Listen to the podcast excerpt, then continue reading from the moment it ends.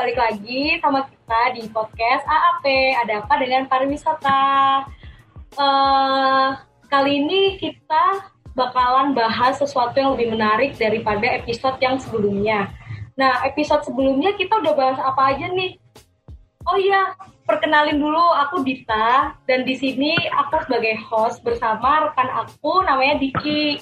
Halo Diki. Hai nah, Dita. Nah kemarin kita udah bahas apa aja, Din? Kemarin kita bahas tentang uh, beragam makanan yang ada di BJFF. Oke, uh, kita udah bahas makanan gitu kan dari BJFF. BJFF tuh Brawijaya Culture Food and Festival. Terus episode sebelumnya lagi kita udah nostalgia juga tuh tentang liburan gitu. Nah, sekarang kita coba apa ya, lebih mengeksplor gimana sih pariwisata selain yang ada di Indonesia gitu. Nah, dan kebetulan kita ada guest guest speaker yang sangat menarik. Dia ini uh, salah satu exchange participant dari program Global Volunteer ISEC. Nah, dia ini pergi ke India selama enam minggu gitu. Oke, silakan. Halo semua, kenalin nama aku Keisha. Aku dari jurusan Bahasa dan Sastra Prancis Universitas Brawijaya. Aku ini angkatan dari 19. Di sini aku tuh sebagai GVBA atau biasanya orang bilangnya Global Volunteer Brand Ambassador dari IESEC UB. Nah, kenapa aku jadi GVBA? Karena kemarin tuh aku volunteer ke India. Salam kenal semuanya. Salam kenal Keisha. Salam kenal Keisha. Panggilannya Keisha. Keisha tahu ya? Ya? Keisha. Oke. Nah, kan kamu kemarin ini kan ke India. Terus tuh ngapain aja sih di India? Uh, aku di India itu sebenarnya tujuan utamanya tuh aku ngajar karena uh, di IASEC itu aku ngejalanin SDG nomor 4 yaitu Quality Education. Jadi di sana tuh emang tujuan utama aku ngajar. Tapi sebenarnya tuh tujuan aku ke India itu uh, pingin kayak sambil jalan-jalan gitu nggak sih? Soalnya kan kalau misalkan kita ada di luar negeri, pasti kan nggak mau buang-buang waktu dong kayak masa udah jauh-jauh ke sana kita nggak jalan-jalan gitu. Jadi aku sambil jalan-jalan juga. Bener, Bener sih. Seru, seru juga kak ya. Selama di India, selama enam minggu itu kamu mengunjungi tempat-tempat wisata atau seperti apa atau street foodnya India atau yang lain? Nah, jadi di India itu sebenarnya aku tinggal di sana 8 minggu dari Januari sampai Februari. Nah, uh, aku itu totalnya ke tiga kota selama di India. Yang pertama itu aku ke New Delhi, yang kedua itu ke Meerut, terus yang ketiga itu ke Jaipur. Oh ya, sama satu lagi ke Agra. Tapi Agra itu kalau di Indonesia uh, semacam Bogor gitulah, jadi kayak kota pariwisata tapi nggak yang gede-gede banget gitu. Nah di India itu aku uh, jalan-jalan ke uh, temple-temple gitu kayak ke temple Buddha yang namanya tuh ada Amsterdam, terus ada Kutub Minar, terus aku juga kalau di Garden. Biasanya sih kalau di New Delhi itu lebih ke situs-situs uh, sejarah atau uh, tempel-tempel buat ibadah aja. Nah, tapi kalau misalkan kayak di um, kota wisata kayak yang tadi aku bilang Agra, nah Agra ini nih yang paling menarik karena biasanya orang kalau ke India tuh ke Agra. Kenapa? Karena Taj Mahal ada di Agra. Jadi biasanya kalau misalkan um, orang mau ke India tuh apalagi yang dari luar negeri ya biasanya kan dia pasti ke New Delhi dulu dong karena kan New Delhi uh, ibu kotanya. Nah jadi uh, untuk ke Agra itu dari New Delhi ke Agra butuh waktu sekitar eh, tiga uh, jam. Dan biasanya orang itu naik bus atau enggak uh, transportasi umum lainnya. Jadi kayak ada semacam angkot angkutan kota gitu. Tapi uh, dia untuk apa ya untuk kayak wisata gitu khusus jadi buat traveler gitu nah waktu itu pas aku ke Taj Mahal aku naik angkutan kota itu karena uh, apa ya harganya tuh murah kayak bener-bener bisa lah buat kantong traveler untuk ke sana gitu untuk sekedar ke sana. Nah, terus yang ketiga itu aku ke Jaipur. Jaipur ini tuh juga orang biasanya kalau ke India pasti ke sini karena di Jaipur ini tuh banyak banget um, apa ya semacam pernah nggak sih kalian tahu hawa mahal yang kayak tembok merah gitu terus kayak uh, apa tuh namanya kalian pernah lihat Ojemo kalian tahu Ojemo nggak sih di IG tahu tahu tahu Iya, Ojemo Oh, iya, pergi ke situ. Iya bener, iya Ojemo waktu itu pergi ke situ. Dan fun fact-nya, sebenarnya waktu itu aku ketemu Ojemo di India, tapi Oh, iya. nggak nggak manggil. Iya, waktu itu aku ketemu Ojemo di India, tapi nggak aku panggil karena kayaknya dia lagi sibuk gitu photoshoot. Nah, aku ke tempat yang ini hawa mahal itu sama dia. Nah itu uh, lebih ke situ sejarah juga sih, tapi biasanya orang ke situ tuh buat foto-foto gitu untuk foto shoot prewedding atau kayak semacam untuk apa ya namanya foto model aja untuk koleksi online shop atau toko-toko gitu. Nah terus um, di satu lagi itu aku ke apa namanya di Jaipur tuh aku ke Monkey Temple. Jadi Monkey Temple ini kayak candi, tapi kalau mau masuk ke sana tuh kayak banyak banget uh, monyet gitu loh. Jadi kita kayak kalau mau masuk harus punya pisang atau apa gitu biar dia nggak gangguin jalan kita untuk masuk gitu. kayak Seru di deh Bali pokoknya. gitu gak sih Iya bener banget kayak di Bali. selama di sana tuh kan kamu kan project tuh ngerjain project kan SDG nomor 4 itu quality education bukan sih ngajar Iya, kan berarti benar. kamu Nah. bener banget. itu tuh kan kamu ngajar tuh nah tapi kamu punya banyak waktu kayak ada day off-nya gitu atau gimana dari sananya Uh, jadi sebenarnya kalau kebijakan itu tergantung um, masing-masing project ya karena setiap project biasanya beda kebijakannya. Tapi uh, project aku ini kebetulan aku tuh cuman ngajar dari hari Senin sampai hari Kamis. Nah dan itu pun juga cuman jam 1 siang sampai jam 4 sore. Jadi kayak aku banyak banget waktu kosongnya gitu. Makanya jadi aku jalan-jalan. berarti kamu nge-develop skill kamu juga kamu bisa jalan-jalan juga sekaligus gitu kan di sana Mm-mm. Iya benar kak. Terus uh, waktu itu juga kan aku pas pergi ini sebenarnya aku was-was gitu ya. Maksudnya bukan was-was sih, kayak khawatir karena Hmm. uh, sebelumnya itu aku memang memang bisa bahasa Inggris tapi nggak lancar dan kayak gugup gitu lah. Karena kan Iya, iya. kita itu bukan bahasa ibu, jadi kita kayak nggak pernah pakai itu sehari-hari gitu kan kak. Nah waktu aku ke India itu pas di pesawat, aku benar-benar takut banget. Aku kayak "Ih, nanti kalau aku udah nyoba India, aku ngapain ya? Aku ngomongnya gimana? Mereka ngerti nggak ya aku ngomong apa kayak gitu. Tapi terus aku tuh kayak bener-bener diuji banget waktu aku baru datang di India karena pas aku nyampe itu pas malam tahun baru dan tengah malam sekitar jam satu waktu India gitu. Nah terus um, dan bandara India itu gede banget gitu terus petunjuknya kan pakai bahasa Hindi ya jadi aku juga nggak bisa baca gitu loh maksudnya sekalipun ada petunjuk pakai bahasa Inggris kayak nggak jelas gitu. Kayak misalkan aku mau ke tempat uh, Uber dia kayak panahnya lurus tapi ternyata tuh ada di seberang kayak gitu. Nah jadi tuh waktu pertama kali nyampe terus aku mau nggak mau harus kayak yaudah ayo gue coba. Pokoknya gue harus ngomong pakai bahasa Inggris sama orang sini. Bodo amat dia ngerti apa enggak dan ternyata tuh mereka ngerti. Jadi tuh sebenarnya Oh. kalau mau pergi ke luar negeri itu nggak harus bisa bahasa Inggris. Yang penting apa ya bahasa kita bisa dipahamin orang sana gitu betul sih kayak yang penting kita pede gitu nggak sih gitu oke terus kenapa nih kamu pilihnya India gitu kan India tuh kan apa ya eh, stigma orang-orang tuh ngeliat India tuh kayak Iya kak, masih padat banget gak sih kak? Nah, ah, bener kayak masih padat. Terus orang India tuh banyak stigma yang kurang bagus lah pokoknya. Terus kenapa kamu bisa memutuskan pengen ke India gitu?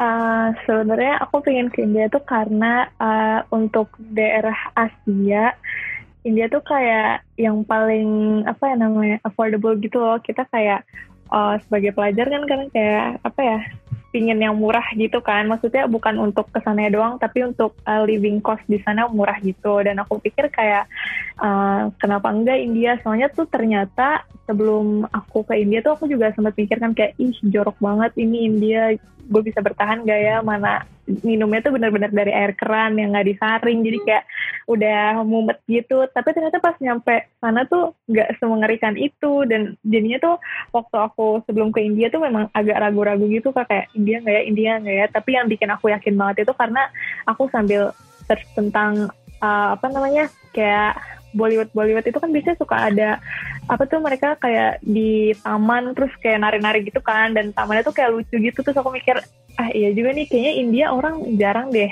liburan ke sini. Kalau gue liburan ke sini terus foto-foto di sini kayak unik banget nih. Kayak orang-orang bakal kayak ih ini orang ke India keren banget. Kayak gitu. Benar-benar Oke benar. Eh, oke. eh, ini tadi kan eh, selama yang kamu ceritain kan tentang tempat-tempat yang masih berhubungan dengan tempat lah yang ada di India itu. Eh, selama kamu di India tuh kamu pernah apa kayak traveling apa bisa kayak wisata kuliner gitu kan India kan kayak terkenal dengan banyak rempahnya dan makanan street foodnya tuh yang beragam gitu. Apa sih kesan perta- pertamanya? Oke, jadi kesan pertama aku itu sebenarnya aku nggak doyan karena uh, India itu kan mayoritas uh, penduduknya agama Hindu, jadi mereka lebih ke vegetarian gitu. Dan aku kan pengonsumsi daging, jadi waktu aku datang ke sana aku tuh kaget. Aku datang ke McDonald, terus ternyata tuh menunya nggak ada menu yang kayak ada ayam gitu, nggak ada. Jadi menunya bener-bener vegetarian gitu, yang cuma Ah, demi apa? Iya, terus kayak eh, apa namanya tempe tapi kayak dijadiin nugget-nugget gitu. Jadi kayak itu bener-bener sayuran semua. Terus aku nggak doyan gitu. terus eh, apa namanya itu McDonald kan McDonald kan terkenal dengan ayamnya terus tuh nggak ada ayam Iya, nggak ada ayam, bener-bener nggak ada ayam. Jadi kuliner gitu kan India kan kayak terkenal dengan banyak rempahnya dan makanan street foodnya tuh yang beragam gitu loh. Iya benar. Eh, terus Nah, jadi kesan pertama kamu ketika mencicipi makanan kuliner eh, kuliner dari India itu apa sih kesan perta- pertamanya? Oke, jadi kesan pertama aku itu sebenarnya aku nggak doyan karena eh, India itu kan mayoritas eh, penduduknya agama Hindu yang mana itu tidak mengonsumsi eh, daging kan. Jadi mereka lebih ke vegetarian gitu dan aku kan pengonsumsi daging. jadi waktu aku datang ke sana aku tuh kaget banget. Aku datang ke McDonald, terus ternyata tuh menunya nggak ada menu yang kayak ada ayam gitu, nggak ada. Jadi menunya bener-bener vegetarian gitu yang cuma demi kentang. Iya, terus kayak eh, apa namanya tempe tapi kayak dijadiin nugget-nugget gitu. Jadi kayak itu bener-bener sayuran semua. Terus aku nggak doyan gitu. terus apa namanya itu McDonald kan McDonald kan terkenal dengan ayamnya terus tuh nggak ada ayam Iya, dengan ayam Iya, nggak ada ayam, bener-bener nggak ada ayam. Jadi eh, kalaupun kalau kalaupun ada itu kayak cuman di beberapa outlet McDonald gitu yang tempatnya itu biasanya kayak di eh, wilayah yang mayoritas di situ Muslim gitu. Jadi di situ ada outlet yang jual ayam atau itu ya kayak gitu gitulah. Jadi kayak kesan pertama aku tuh pas aku dua minggu pertama di sana aku nggak doyan makan. karena vegetarian semua. Tapi tapi eh, beruntungnya ya kita sebagai orang Indonesia nih kalau ke sana tuh kayak walaupun kita nggak suka sayur nih misalkan tapi nggak susah gitu loh untuk milih makan. Karena kan kita makanannya pedes juga kan. Kita Iya. doyan pedes terus kita doyan kari rempah-rempah gitu. Sedangkan aku punya temen nih dia dari Jerman. Dia bener-bener selama di India itu nggak mau makan makanan street food gitu loh. Jadi dia cuma mau kayak Domino Pizza atau McDonald gitu. Karena katanya tuh dia nggak doyan pedes. Karena nggak biasa pedes kan. Terus dia Oh, juga iya, nggak iya. biasa makan rempah-rempah gitu. Jadi kayak nggak doyan katanya. Benar benar benar benar. Terus ini nih ada kan tuh makanan yang viral kan yang kayak diaduk pakai tangan tuh beneran ya Iya itu beneran. Jadi eh, lucunya kan kita tuh selalu kalau di Indonesia sendiri ya misalkan kita makan di pinggir jalan tuh biasanya ada orang yang higienis tuh nggak mau kan kayak sekedar Hmm. di gerobak aja tuh ngerasa jorok lah nggak higienis atau apa gitu. Tapi di India tuh ternyata lebih jorok lagi jadi benar-benar masak masak tuh pakai tangan kak. Walaupun masak di minyak goreng panas tapi mereka pakai tangan nggak pakai apa tuh namanya eh, spatula. Jadi mereka pakai tangan di minyak panas terus tuh itu biasanya tuh kayak makanan apa tuh yang diolah pakai tangan? Eh, semuanya. Bener-bener dia semua pakai tangan. tangan gitu? Enggak bener-bener tangan kosong gitu tangan polos. Bener-bener pakai tangan kosong telanjang gitu. Dan mereka tuh nggak cuci tangan gitu. Kayak kalau di Indonesia kan misalkan abangnya habis nerima duit tuh nyelupin dikit lah tangannya ke air terus baru masak lagi gitu kan. Kalau di sana tuh enggak habis nerima duit masak lagi gitu awalnya tuh aku jijik tapi aku udah jauh-jauh nyampe India. Walaupun mungkin di Indonesia ada makanan India tapi kan nggak semua makanan ada gitu. Maksudnya kayak nggak mungkin kan di negara lain ada cuanki dari Indonesia kan nggak mungkin. Jadi aku mikir ah ya udah mumpung gue lagi di India gue puas-puasin aja. Dan aku tuh nggak mau mikirin dia pakai tangan apa enggak jadi aku bener-bener makan ya makan gitu. Biar kayak yang penting aku pernah ngerasain gitu. Terus uh, makanan favorit kamu tuh apa sih makanan India favorit? Uh, makanan India favorit aku itu paripurni. Itu kayak gimana? Paripuri deh paripuri paripuri di kayaknya paripuri kerupuk nggak kerupuk sih tapi kayak tepung cuman kayak garing gitu. Terus dalamnya ada uh, dikasih air tapi airnya tuh kayak saus pedas gitu kayak kayaknya sih cabai hijau bubuk gitu deh. Terus nanti dimakan gitu. Tapi makannya harus bener-bener satu gituan gitu dan bentuknya agak gede. Kalau nggak dimakan semua nanti rasanya jadi nggak enak. Oh gitu.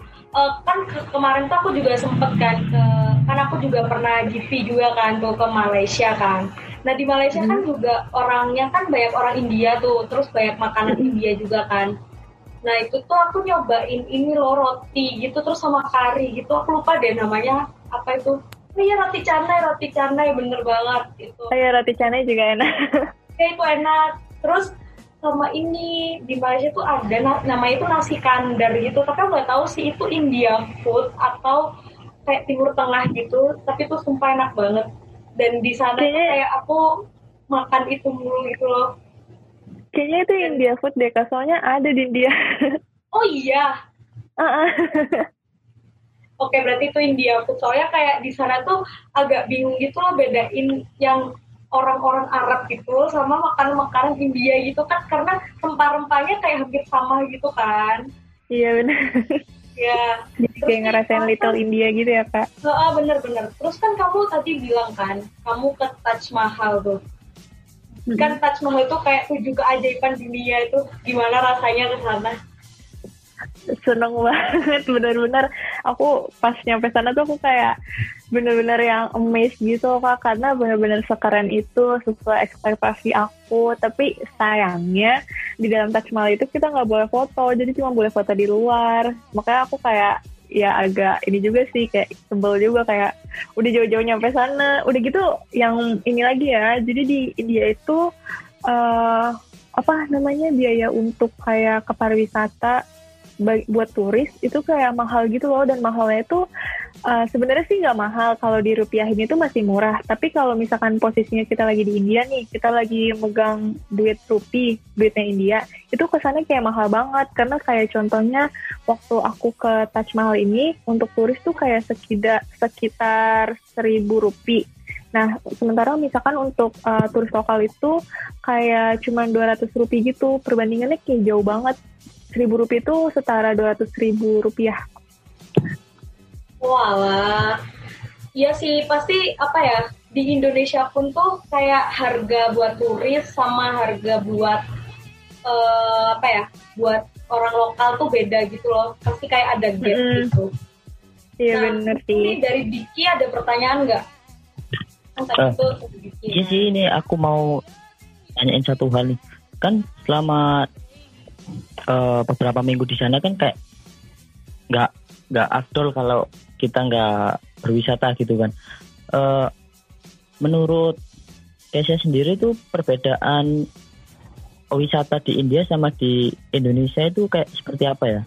Kalau menurut aku sebenarnya sih India sama Indonesia itu punya keunikan masing-masing ya, tapi ada kayak satu hal yang sama tuh kan karena masih sama-sama Asia, jadi kayak kulturnya mirip-mirip dikit gitu lah. Nah tapi kalau dari India tuh menurut aku tuh yang paling unik uh, di sana tuh masih ini banget apa kulturnya masih uh, apa ya namanya kayak orang-orang tuh patuh sama kultur gitu loh kayak gak boleh gak boleh kayak kayak pamali itu masih dijalanin. Kalau di Indonesia kan kayak kadang orang kalau misalkan ini pamali ah enggak apaan sih pamali? Kayak udah nggak begitu ini kan ya. Tapi kalau di India tuh benar-benar masih dijalanin. Jadi pariwisata di sana tuh benar-benar yang kayak banyakkan situs-situs dari kultur gitu dan masih Oke. terawat bagus gitu. Apa ya sejarahnya tuh masih tertata gitu. Oke, kalau di ya kalau di Indonesia kan kayak udah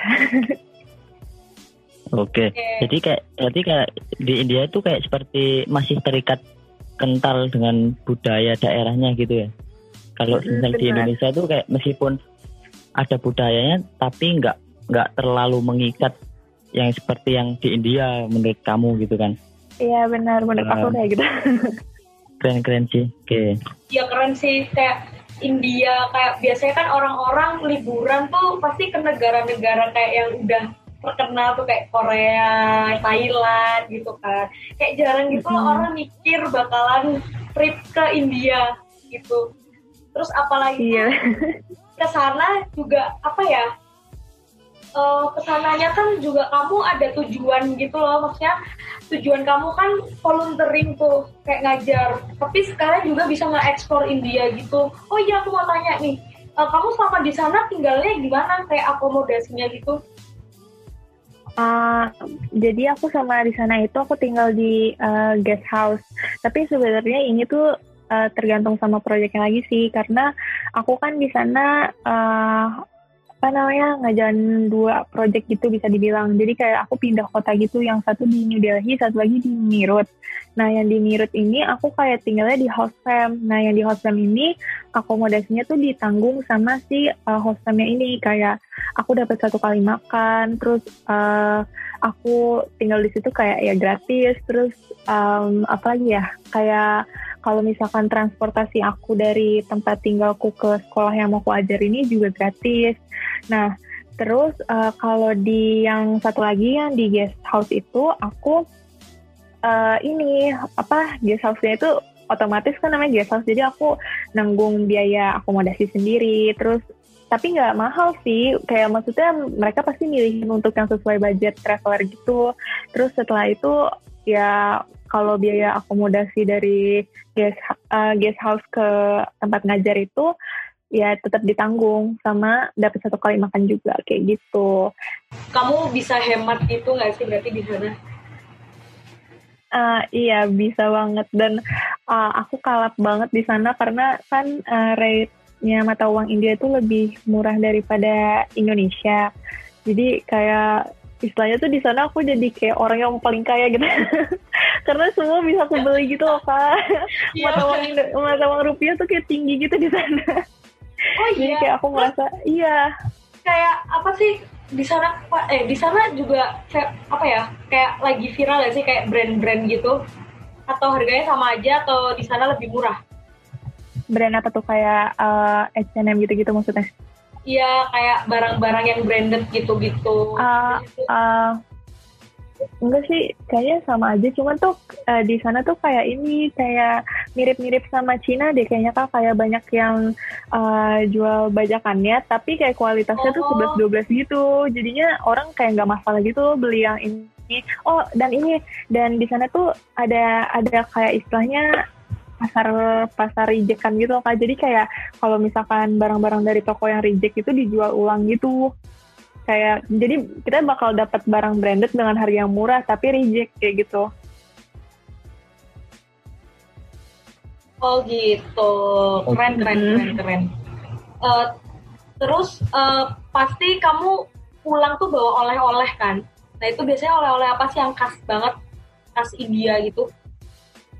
Hmm, oleh kelas India itu sari kan sari ya pasti. Tapi eh, saran aku sih kalau mau beli kain sari jangan di tempat pariwisata tapi kayak di tempat kain-kain gitu kayak yang jual kain-kain khusus gitu atau di pasar-pasar pinggir jalan aja. Nah terus yang kedua itu em, pasti tahu kan kartun Krishna dia kayak makan ladu gitu kan. Nah waktu itu aku beli ladu karena aku penasaran banget terus aku yakin kayak teman-temanku di Indonesia pasti penasaran juga nih rasanya ladu kayak apa jadi aku beliin deh. Karena itu ladu wajib banget dicoba sih soalnya aku gara-gara nonton Krishna jadi kayak kebayang-bayang gitu. Iya lagi yang Krishna ya. Pas aku cobain tuh aku nggak kuat buat ngabisin satu lagi gitu karena bener-bener manis banget jadi kayak manis banget sih pokoknya kalau mau makan kayak sedikit sedikit aja gitu ladu itu bahan bakunya apa gitu. Aku kurang tahu tapi yang pasti vegeta vegetarian gitu. Tapi kayaknya sih ini kayaknya uh, mirip-mirip sama ya kayak kue mangkok gitu cuman lebih kalau kue mangkok kan kayak lengket gitu. Nah kalau yang ladu ini kayak sedikit keroti-rotian gitu. Aku malah mikirnya tuh ladu tuh kayak madu gitu aku juga mikirnya kayak madu soalnya kan kalau di kartun Krishna kan kayak encer gitu kan kak. Ya, kayak susu kayak madu gitu. Tapi ternyata enggak. Ternyata kayak kue gitu. Jadi aku tertipu. Kan India tuh terkenal banget kan sama Bollywood gitu. Terus di sana gimana tuh? Kayak rame banget gak sih? Yang terkenal siapa sih? Iya. Bollywood tuh Shahrukh Khan kan ya? Iya Shahrukh Khan. ya, terus Khan. yang cewek aku lupa namanya ya di sana oh di sana tuh aku kayak dicekokin apa tuh namanya Bollywood gitu loh kak. Kayak mau nggak mau tiap hari tuh pasti aku nonton Bollywood. Terus uh, dengerin lagu India. Jadinya tuh waktu aku pulang-pulang lagi waktu aku balik lagi ke Indonesia nih ya sebulan pertama tuh aku kayak dengerin lagu-lagu India mulu playlist Spotify ku India mulu gara-gara udah kebiasa gitu di India dengerin itu. Padahal sebelumnya aku kayak biasa aja gitu. Jadi ke bawah gitu ya? Oh ya terus jadi nonton apa kayak drama India juga gak sih Mm -mm, tapi nggak nah. semua sih paling ya dikit. nah itu tuh emang kan kalau di Indo kan kita bisa lihat tuh di TV kayak di dubbing dan itu kayak sedrama itu gitu. Nah, aslinya gimana sih? Apakah sedrama itu juga apa gimana? Uh, lucunya ternyata uh, mereka tuh sama kayak kita gitu kalau reaksi kita nonton sinetron gitu loh kak. Jadi waktu itu aku pernah nonton film India sama teman-teman Indiaku terus kayak adegannya tuh lama gitu kan di shootnya kayak dari si A ke B lagi ke A ke B lagi gitu. Nah terus orang India tuh juga marah kayak ah lebay banget nih kayak gitu lah. Mereka tuh ternyata juga nggak suka karena aslinya mereka nggak selebay itu sih sebenarnya. Cuman mereka tuh emang suka geleng-gelengin kepala sama suka joget-joget. Emang aslinya suka joget-joget sama geleng-gelengin ya, kepala. Yang, yang geleng-gelengin kepala itu relate banget sih waktu aku di Malaysia tuh juga kan kan aku kayak di kota. Nah di kota itu banyak orang Indianya gitu loh, banyak Chinese sama India. Nah, itu tuh mereka kalau ngomong sambil goyang-goyangin kepala gitu, terus kayak aku yang lihat, iya, ini orang kenapa? ya kayak mereka tuh kayak kayak lu apa ya lehernya tuh kayak iya. kayak tinatun gitu loh kan kayak iya, lemes banget. Aksen ngomong bahasa Inggrisnya tuh India banget gitu gak sih? Iya iya itu udah pasti sih bener-bener aksen Indianya tuh ketara banget di sana. Nah itu kamu sempat bingung nggak? Kayak e, ini orang ngomong apa ya? Karena nggak paham gitu uh, loh kayak karena aksennya Uh, sering sih, aku sering bingung gitu. Jadi kadang aku cuman kayak, iya iya kayak gitu gitu doang. atau kadang, atau kadang kalau misalkan dia nanya nih, aku minta dia ulangin gitu sambil kayak uh, gimana sih? Maksudnya dia kayak sambil suruh peragain gitu tangannya. Jadi aku tahu apa yang dia maksud. Karena kadang aku nggak ngertinya tuh bener-bener nggak ngerti gitu loh kan. Soalnya dia ngomongnya tuh ya gitu, kayak bahasa India tapi dicampur bahasa Hindi gitu. Oh iya, ngomongin bahasa nih, kamu bahasa India apa aja yang kamu tahu? Nama itu halo, terus ada oh, terima kasihnya mereka thank you gitu. Mereka kayak nggak pernah mau ngomong terima kasih pakai bahasa India. Jadi waktu itu aku pernah nanya uh, bahasa uh, thank you-nya India tuh apa. Terus mereka tuh kayak ngomong just say thank you kayak gitu. Jadi mereka nggak ngasih tahu gitu loh kalau bahasa Hindi ngomongin uh, thank you tuh apa kayak gitu. Oh, oh, oh, iya. Uh, setahu aku, eh ini gak sih India tuh jajahannya Inggris gak sih? Eh iya gak? Iya, iya iya Iya kak. Nah, uh. jadi kayak mereka ngomongnya emang apa ya kayak serapanya banyak Inggrisnya gitu gak sih jadinya? Mm-mm, bener banget. Terus uh, karena jajahan Inggris itu juga jadi uh, akulturasinya tuh masih kerasa banget gitu jadi uh, kayak ya itulah kan kalau di Inggris kan kayak ada raja ratu gitu kan. Nah mereka tuh juga jadi kayak ada gitunya gitu. Budayanya masih masih ya 11 12 lah gitu. Mungkin Diki kayak ada statement gitu kayak ada tanggapan menurut kamu gimana tuh? Oh, kalau menurutku ya kak, dari yang disampaikan uh, Kesia ini, India tuh kayak asik banget sih meskipun ya kita tahu dengan stigma-stigma yang mungkin negatif, tapi kalau kita belum terjun langsung kayak rasanya kok kurang afdol gitu kak. Maksudnya India tuh banyak tempat-tempat, banyak makanan yang apa yang harus dikunjungi, harus dicicipi gitu kak. Meskipun ya dengan kekurangan protokol kesehatannya mungkin uh, setelah dengar ceritanya sih rasanya enggak kak. kenapa tuh? Kenapa tuh? Aku lihat ya lihat-lihat di kayak YouTube atau Instagram gitu kan makanannya tuh kayak asik bener-bener asik kayak beragam cuman uh, cara ya? pengolahannya itu itu yang kayak menurutku yang oh enggak deh kayak gitu gak bener sih pasti orang-orang tuh bakal mikir ke sana gitu loh. Kan aku pertama kali nonton film India tuh Three Idiot kalau nggak salah. Kan tuh kayak terkenal banget kan. Terus ada satu scene itu yang uh, ibu-ibunya tuh masak roti. Terus dia apa alat buat ngegiling rotinya itu buat garuk-garuk punggung gitu. Terus abis itu kayak langsung lagi gitu. cuma itu serem banget. Kayak ah, terus seru campur jijik ya kak? Iya benar. Ke awalnya tuh kayak gitu gitu loh. Terus setelah apa ya kalau aku sih pengen ya jujur pengen gitu loh. Jujur pengen ke negara yang unik gitu. Karena apa ya kayak aku ngelihatnya eh, nggak uh, semuanya kayak gitu. Tapi mungkin ya rata-rata kayak gitu gitu kan cuman kalau buat explore dan buat buran menurutku boleh sih. Apalagi kan tadi kata Keisha kan kayak uh, harga di sana kan murah tuh. Jadi merasa kaya aja di sana gitu. Kan selama ini kan kalau saya keluar negeri tuh biasanya mata mata uang rupiah itu yang paling rendah kan. Kayak di sana paling rendah bener gak? Iya kan? Bahkan pas aku India malah aja, tinggi gitu. Iya bener.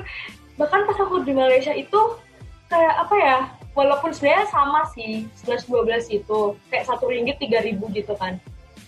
Tapi itu tetap aja mahal gitu loh menurutku dan pasti cari yang lebih murah gitu. Apalagi kan biasanya orang-orang ke Singapura tuh yang deket-deket Thailand gitu. Itu pasti uh, paling harganya masih sama-sama kayak Indonesia. Nah kata Kesha kan tadi India kan kayak kita di sana bisa jadi kaya gitu. Jadi aku kayak penasaran gitu loh kalau Diki sendiri pengen ke mana nih? Kalau aku mungkin yang deket-deket dulu kak. Kayak yang di Thailand sama Malaysia itu kak. Kayaknya seru-seru banget. Apalagi yang uh, pengen sih ke ke Singapura gitu kak. Ini Keisha aku mau tanya juga. Uh, kamu di sana kan uh, ini kan kayak berangkatnya itu kamu berangkat sendiri? Uh, aku ke sana itu berangkat bertiga bareng sama uh, anak UB lainnya gitu. Jadi dia ngambil project yang sama kayak aku. Tapi kalau misalkan uh, kalian gak ada temennya tuh menurut aku juga asik-asik aja gitu loh. Soalnya iya karena kayak ada experience terus jadi kayak bisa nge-develop skill gitu loh kayak tadi aku jadi bisa belajar ngomong kayak gitu kan padahal sebelumnya aku ketar ketir dalam pesawat gitu seru gitu loh kalian solo traveling sumpah malah asik ya kan nggak? Iya asik asik banget. Minusnya ini sih kalau solo traveling kita nggak bisa foto-foto bebas gitu karena nggak ada yang fotoin. Iya. iya bener lah. Kalau Diki pernah nggak solo traveling? Kalau aku solo travelingnya di lokal-lokalan aja kak. Kalau lokal itu sering banget kak. Ke mana tuh biasanya? Ke Blitar kak. Hmm, Kampanye kayak refreshing gitu. Di India sendiri ada nggak kayak kayak liburan yang wisata alam gitu? Liburan wisata alam itu sih kebanyakan uh, di Mumbai. Mumbai itu kayak Balinya India hmm. gitu. Nah biasanya artis-artis tinggalnya di Mumbai itu. Oke, aku tahu Mumbai itu gara-gara film Hotel Mumbai. Iya yang bom-bom itu. Beneran serem banget dari awal sampai akhir tuh filmnya. yang deg-degan dan ternyata teroris Islam gitu kan sumpah itu Heeh. Wow pasti yang Iya, wow. Waktu itu aku juga sempat mau ke Mumbai kak, tapi oh iya eh, tidak cukup waktunya. ya aku udah kebanyakan banget ya jalan-jalan. iya makanya. Padahal Sayang murah banget. sih sebenarnya Padahal- tiketnya. Ah. oh di sana transportasinya ini ya apa sih kereta atau bus gitu kebanyakan Oh, eh, jadi kan Kak, biasanya nih kita kan tahunya kayak di, di India tuh keretanya kayak yang di atas atas apa tuh atas atas gerbongnya gitu kan pada duduk-duduk oh iya kayak Uh-uh, nah emang emang itu ada di India tapi biasanya uh, itu tuh buat orang yang pergi ke luar kota yang jauh-jauh kayak misalkan dari Malang ke Jakarta atau Malang ke Jogja kayak gitu. Tapi kalau yang misalkan cuma deket-deket kayak misalkan dari Malang ke Surabaya Malang sidoarjo nah itu biasanya uh, orang-orang tuh naiknya bus. Karena bus di India itu mayoritas udah ada kamarnya gitu kak. Jadi udah ada Oh. tempat tidur. Uh-uh wow. Udah asik pokoknya. Udah Oh, mantep. Oh keren banget ya bus ada tempat tidurnya gitu. Iya makanya aku kaget banget? Oh, dan itu tuh bisa berdua kak. Jadi tempat tidurnya itu bisa berdua eh, dan boleh sama random people gitu. Kalau misalkan ada orang yang eh, low budget gitu biasanya dia kan maunya yang murah kan. Nah itu biasanya dia sharing tuh sama random. Nah tapi eh, di India itu sama kayak Indonesia. Jadi kayak lo boleh sharing tapi nggak boleh lawan jenis kalau belum ada ikatan satu kamar gitu. Jadi Hmm, kalau misalkan random harus sat- uh, satu jenis gitu. oke. Kamu nyobain juga naik bis itu Iya, aku keluar kota naik bis kayak gitu. wow itu harganya berapa tuh kira-kira kalau dirupiahin Eh, cuman tujuh puluh ribu, wow tujuh puluh ribu udah dapat kasur, kayak udah lengkap banget gitu. wow keren keren keren sebenarnya apa ya Itu Eh, fasilitasnya juga oke sih kalau Mm-mm. dengar dari cerita kamu Oh.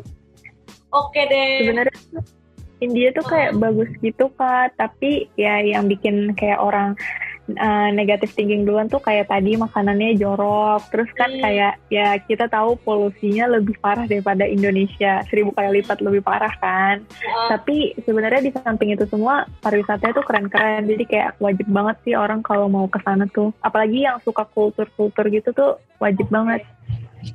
Karena kebudayaannya yang masih kental banget gitu ya Mm-mm, bener oke deh karena durasi juga nih gitu. Closing statement deh dari Keisha gimana gitu? Uh, dari aku aku tuh aku sangat menyarankan kalian buat ikut Global Volunteer. Karena uh, selain lebih murah daripada kalian jalan-jalan sendiri nih nggak jelas kayak cuman buat jalan-jalan doang. Tapi tuh kayak kalau Global Volunteer tuh justru lebih murah dan kamu bisa dapat experience yang lain. Kamu bisa uh, ngede- ngedevelop skill kamu kamu bisa dapat experience ngajar anak-anak dari negara yang pengen kamu tuju terus atau misalkan jangan ngajar atau kayak sekedar bantuin manula atau bantuin hewan-hewan shelter hewan di negara yang kamu mau tergantung proyek yang kamu pilih. Itu kayak patut banget dicoba sih. Dan GV itu banyak banget benefitnya. Kamu bisa uh, apa ya bebas KKN terus kamu dapat sertifikat nasional sama internasional. Jadi itu lebih mempermudah kamu buat kalau mau ngelamar kerja nanti pas di CV ini kan kayak wah ada sertifikat internasional nih dari ISEC lagi kayak gitu. Jadi jangan lupa kalian ikut GC ya. Itu daftarnya cuman di kalian buka nih website isec.org nah nanti kalian bisa deh sign up di situ.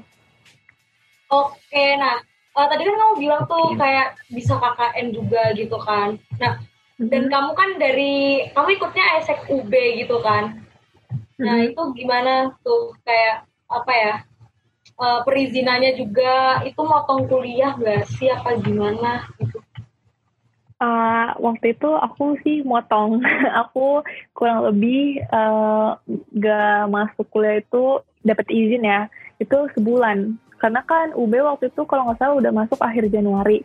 Ya. Sementara tuh aku baru pulang akhir Februari. Jadi benar-benar empat minggu. Tapi menurut aku uh, itu tergantung komitmen kalian sama diri sendiri sih. Kayak waktu itu, alhamdulillah aku kekejar semua pelajaran yang aku ketinggalan itu. Dan uh, tips dari aku nih ya kalau misalkan kalian lagi GV terus pas banget kuliah nih kalian bisa nih pakai cara-cara yang kayak lagi corona-corona ini. Kan kalian online kelas nih. Nah jadi bisa sambil belajar gitu kayak nanya materi sama temen. Tadi belajar apa sih? Terus kalian belajar sendiri jadi nggak begitu terlalu ketinggalan. Wow jadi apa ya dari dari UB-nya juga udah ini nggak sih? Berarti udah nge-provide juga kayak iya bener nggak gitu pokoknya semuanya kalian tinggal ini deh duduk manis udah diurusin semua sama ISEC UB oke keren kalau dari Diki keren, keren. gimana kalau dari aku sih mau pengen jadi global volunteer kayaknya oke okay. Oke. Okay.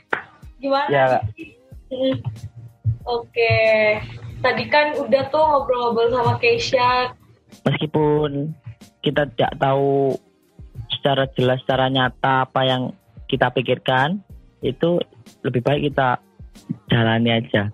Oke, kalau dari aku jangan ini sih, jangan takut untuk mencoba hal baru gitu, karena kita nggak tahu gitu loh di luar sana itu bakalan ada apa gitu, dan kalau kita nggak mau nge-ekspor, kita nggak bakalan tahu gitu. Sama kayak pariwisata, banyak pariwisata itu yang apa ya, orang-orang banyak yang nggak tahu gitu, padahal banyak banget yang kependem gitu. Uh, terutama di Indonesia sih, di, di Indonesia tuh banyak banget hidden tourism yang orang-orang tuh nggak tahu gitu. Jadi jangan takut buat nggak ekspor gitu sih kalau dari aku. Gitu. Oke. Okay. Uh, eh, makasih ya buat Keisha udah mau ngisi podcast kita malam ini. Makasih juga semua. Makasih Kak. Ya, uh, cerita ceritanya Keisha sangat apa ya? insightful. Makasih semuanya. Tunggu di episode selanjutnya ya. Dadah.